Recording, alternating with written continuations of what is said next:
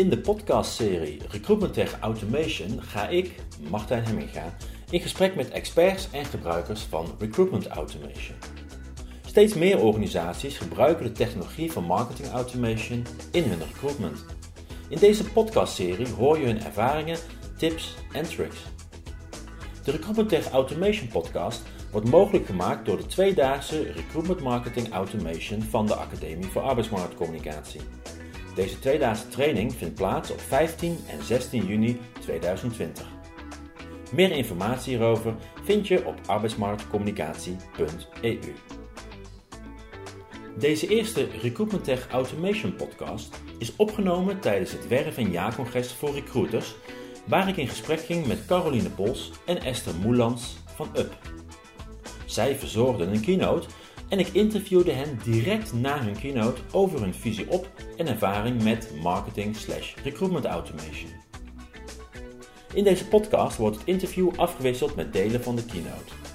We beginnen met een deel van de opening waarin Caroline vertelt hoe ze als directeur bij Manpower in 2012 in een moeilijke markt de kracht van de voorloper van marketing automation ontdekte: e-mail marketing.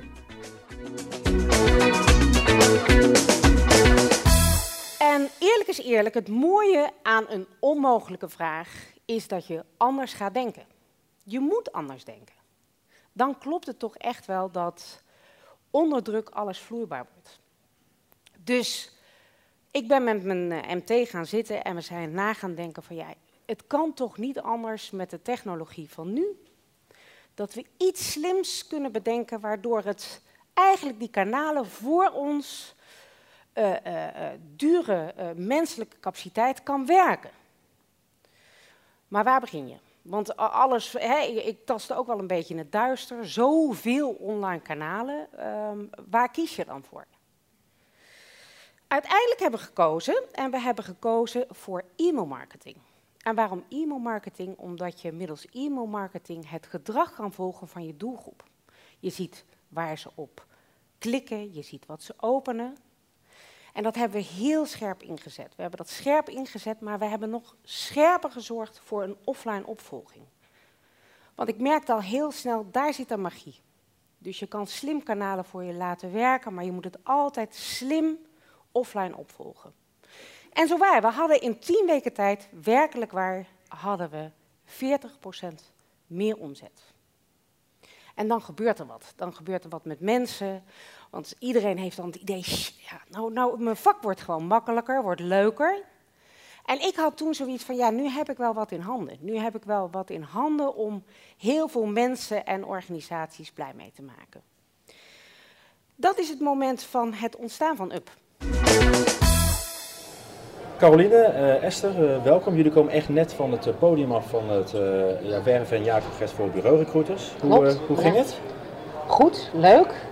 Leuk om nou ja, mensen te voelen en, en te merken hoe ze reageren op wat we te vertellen hebben. Um, ja, en ik heb wel het gevoel gekregen dat we alles wat gaat over de wereld van marketing automation, dat we dat iets dichter bij, bij de mensen hebben kunnen brengen. Ja, want jullie zijn van, van UP. Klopt. Wat, wat, ja, wat, wat doet UP? Wat wij doen is, wij creëren een commercieel ritme ehm, richting organisaties. Wat vooral organisaties zijn die helemaal thuis zijn in de arbeidsbemiddeling. Daar komen wij ook vandaan. En wat we doen is het creëren van een commercieel ritme waarbij we eigenlijk de tools inzetten waardoor we compleet en concreet gedrag inzichtelijk maken van of een potentiële klant of een potentiële kandidaat. Ja. En uh, jullie zijn, bestaan nu vier jaar? Dik vier jaar, klopt. Vier jaar, inderdaad, ja. En wat was de aanleiding om ermee te, te beginnen? Nou, de aanleiding was eigenlijk uh, op basis van een hele urgente uh, vraag, of in ieder geval urgente opdracht die ik had in mijn rol bij Manpower. Ik moest met nog maar 60% van mijn menselijke capaciteit moest ik een bepaald rendement realiseren. En ik had in de gaten dat ik iets anders moest doen, waardoor uh, bepaalde online tooling voor ons kon werken. Waardoor we veel efficiënter en effectiever in contact kwamen met onze doelgroep. Dus het, was een beetje, het is een beetje uit nood, uh, nood geboren. En recruitment automation, wat we daarbij zien, of wat we daarbij willen zien, is het gedrag van de latente kandidaat voordat hij gaat solliciteren. Voordat iemand zijn cv publiceert. Voordat iemand op Indeed uh, zijn sollicitatiebericht heeft ingestuurd. Want die zoektocht die begint online. En door de optelsom van kanalen die we inzichtelijk hebben, kunnen we dat gedrag zien. E-mailmarketing is onderliggend. Met e-mailmarketing zien we wanneer een mail verstuurd wordt. We zien wanneer een mail geopend wordt. En je ziet ook nog op wat voor linker geklikt wordt. Met recruitment automation zie ik wanneer mijn mail gelezen wordt en dat er op een link geklikt wordt. Maar ik zie ook als op maandagavond iemand teruggaat naar mijn website en nog een keer naar die vacature kijkt. Zonder dat hij of zij heeft gesolliciteerd. Um, ja, het, het, gaat over marketing automation. Um, uh, Esther, wat, wat, wat moeten we daar eigenlijk onder verstaan? Want het woord wordt natuurlijk heel vaak gebruikt. Ja, uh, marketing automation, recruitment automation is um, een tool waarin je alle online activiteiten van een potentiële latente kandidaat inzichtelijk kan krijgen. Want ten opzichte van e-mail marketing, is e-mail marketing dan eigenlijk misschien wel 1.0 en marketing automation 2.0? Uh, e-mail marketing, dat is echt de basis. Dus dat is, je verstuurt e-mails, je kan vervolgens het gedrag kan je volgen met betrekking tot het openen van een mail, het doorklikken van een mail. En marketing automation is echt de vergrotende trap. Dus dat is de optelsom van een flink aantal online kanalen, waardoor je een veel completer gedrag van je doelgroep inzichtelijk krijgt op persoonsniveau. Ja. Wat is, uh, en dan hè, hebben we het eh, e-mail marketing, marketing automation, uh, recruitment automation. Hè, net in jullie uh, ja. keynote buiten ook een beetje door elkaar heen. Ja. Kun je het echt door elkaar gebruiken of is de recruitment automation toch Recruitment automation zet je het echt specifiek in voor die latente kandidaat, maar het is dezelfde tooling. Ja. Dus marketing automation en recruitment automation is daarin hetzelfde. Alleen op het moment dat je het toepasbaar maakt binnen de recruitment, noemen we het als recruitment automation. Ja. Hoeveel wordt het, jullie zijn specialist op dat gebied, jullie begeleiden ook eh, intermediairs met name daarop inderdaad. Uh, durf je iets te stellen van hoeveel, uh, hoe ingeburgerd is marketing automation al? Ingeburgerd in, in de complete branche bedoel je dan? Ja, is het is wat je zegt, dat, dat, dat doen er toch heel veel al? Of, of nou, inmiddels, wij hebben inmiddels uh, eh, 35 klanten die er uh, mee bezig zijn. Maar het, nou ja, het, het, het, begint echt dat mensen uh, voelen hoe het voor je kan werken. Dus het is nog niet gevestigde orde dat er per definitie elke intermediair er gebruik van maakt. Het begint met focus. Je moet kiezen. Je kan niet uh, uh, honderd dingen tegelijk goed doen. Kies een paar dingen en doe die meer dan goed. Um, ook als het gaat om technologie. Op het moment dat je een keuze maakt om voor een bepaalde tech-tool te kiezen, maak een keuze voor een paar tools en niet honderden tools. Want uiteindelijk onderaan de streep gaat het altijd om de toepassing. Dus je kan een prachtig tool hebben, maar wat je ermee doet, daar maak je het verschil mee. Jullie zeiden wel heel stellig, hè, begin echt met wat je al hebt, hè, met je eigen. Met je en wat je daarin kan benaderen. Ja. Dus welke benaderbare kandidaten heb je om daarin te beginnen? Ja. En vervolgens wel je focus daarin te kiezen. Omdat je ziet dat de database van een intermediair vaak heel breed is. Focus vervolgens wel. En begin dan ook met datgene waar je goed in bent. Want daar zit je bewijslast. Dus daar ga je ook het hardst in groeien. Ja. Zeg dan ook eigenlijk dat je moet beginnen met, met, uh, met één tool? Ja. Of, of met ook met één tool, maar ook met één doelgroep? Of één... Ja, beide. Dus ik geloof echt heilig in focus. Dus met één tool beginnen, dat goed toepasbaar maken, maar ook met één doelgroep beginnen. Dus om met één doelgroep uh, de markt op te gaan en uh, dat de doelgroep ook is waar je het allerbeste in bent. Maar de markt moet wel opportun zijn daarvoor. Dus ja. die check moet je altijd doen. Ja. Um, wat wil je weten? Dat was ook een tip. ja. ja. Dus dan gaat het erom um, welke relevante content bied je aan, waardoor je eigenlijk een bepaald gedrag uitlokt, wat heel erg van toegevoegde waarde is om dat te weten. Dus dat is inderdaad dat voorbeeld vanuit de projectkalender. Ehm, je merkt dat die mensen, uh, die, die, die ZZP'ers of die interimmers, die zijn vooral uh, geïnteresseerd in type projecten. Het maakt, het maakt ze eigenlijk niet zoveel uit via wie ze werken.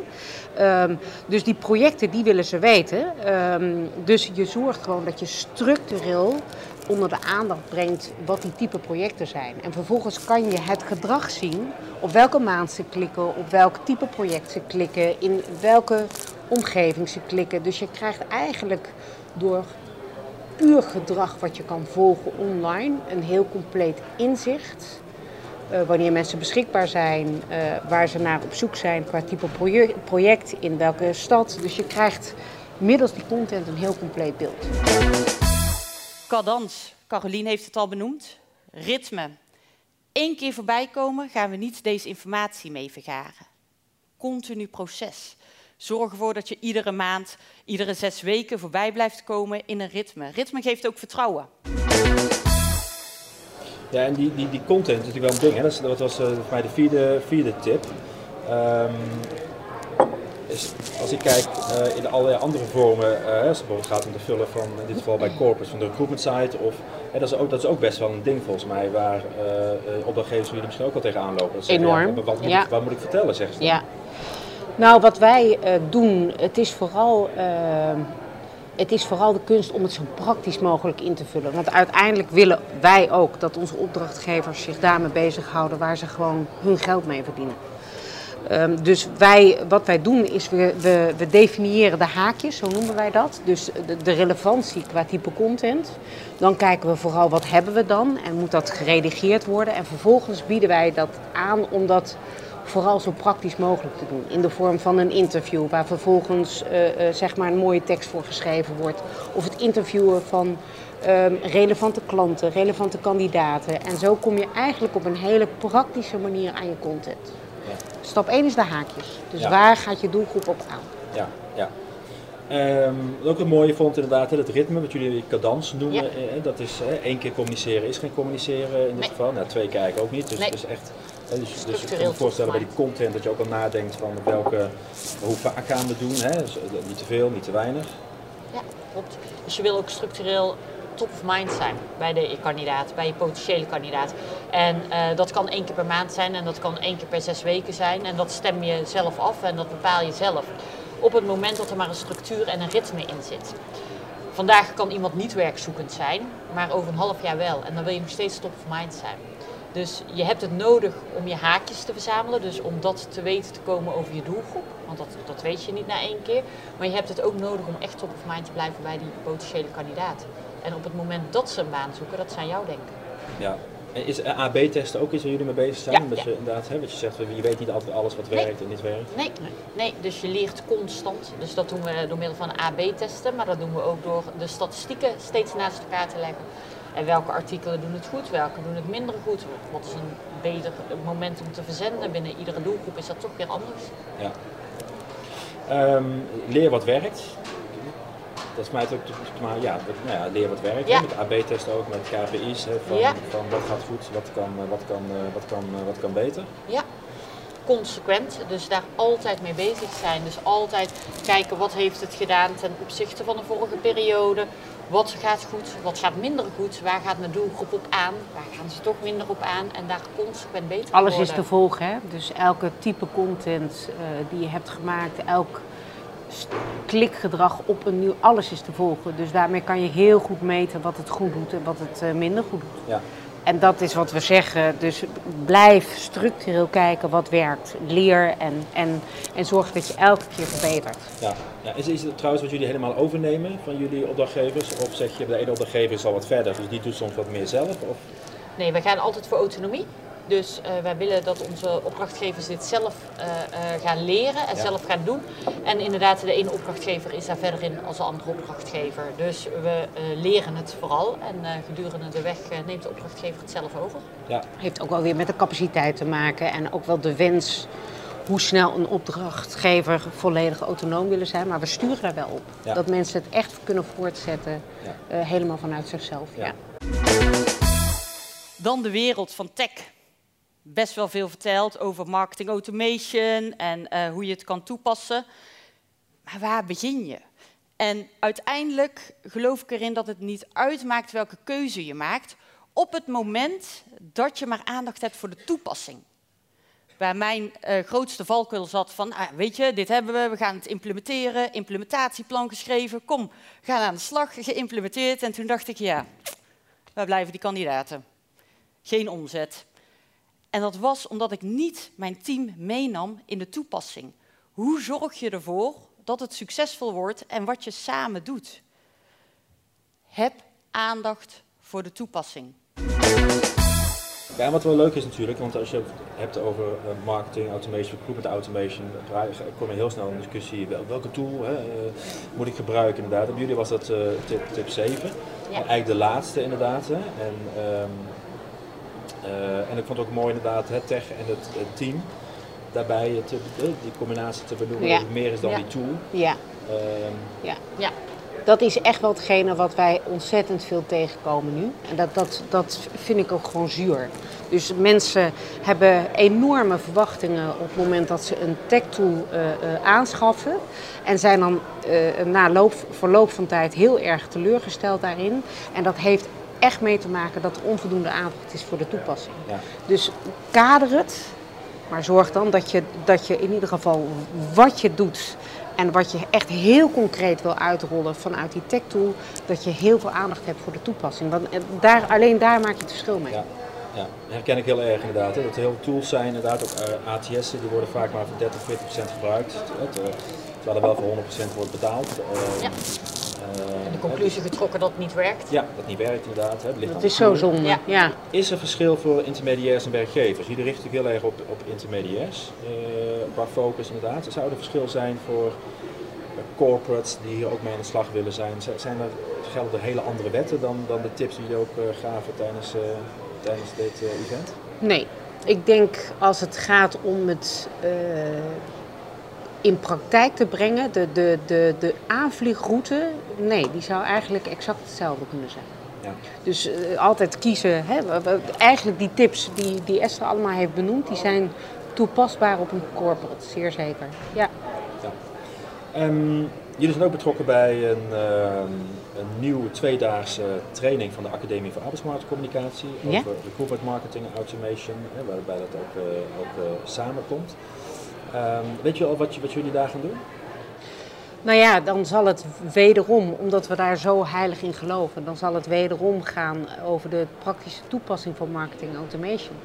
Dus vooral klein beginnen en dat op een hele mooie manier uitbouwen. En vooral uh, mensen leren hoe ze gebruik kunnen maken van een tool, waardoor ze makkelijker, leuker en met meer resultaten eigenlijk hun werk kunnen doen. Dat, dat, dat zou. Het meest ideale zijn. Als uh, dat lukt om het, uh, om het zo over te brengen. Ons is het een beetje uit nood geboren.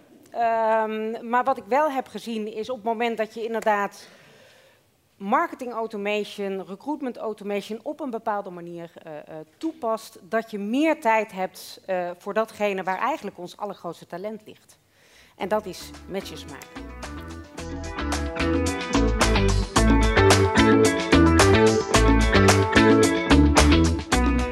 Bedankt voor het luisteren naar deze Recruitment Tech Automation podcast. Ik hoop dat het je geïnspireerd heeft. Ga voor meer podcasts en om ideeën en feedback te delen naar recruitmenttech.nl/slash podcast. Wil je zelf aan de slag met recruitment automation? Volg dan 15 en 16 juni de tweedaagse Recruitment Marketing Automation van de Academie voor Arbeidsmarktcommunicatie. Meer informatie op arbeidsmarktcommunicatie.eu. Tot de volgende Recruitment Tech Automation podcast.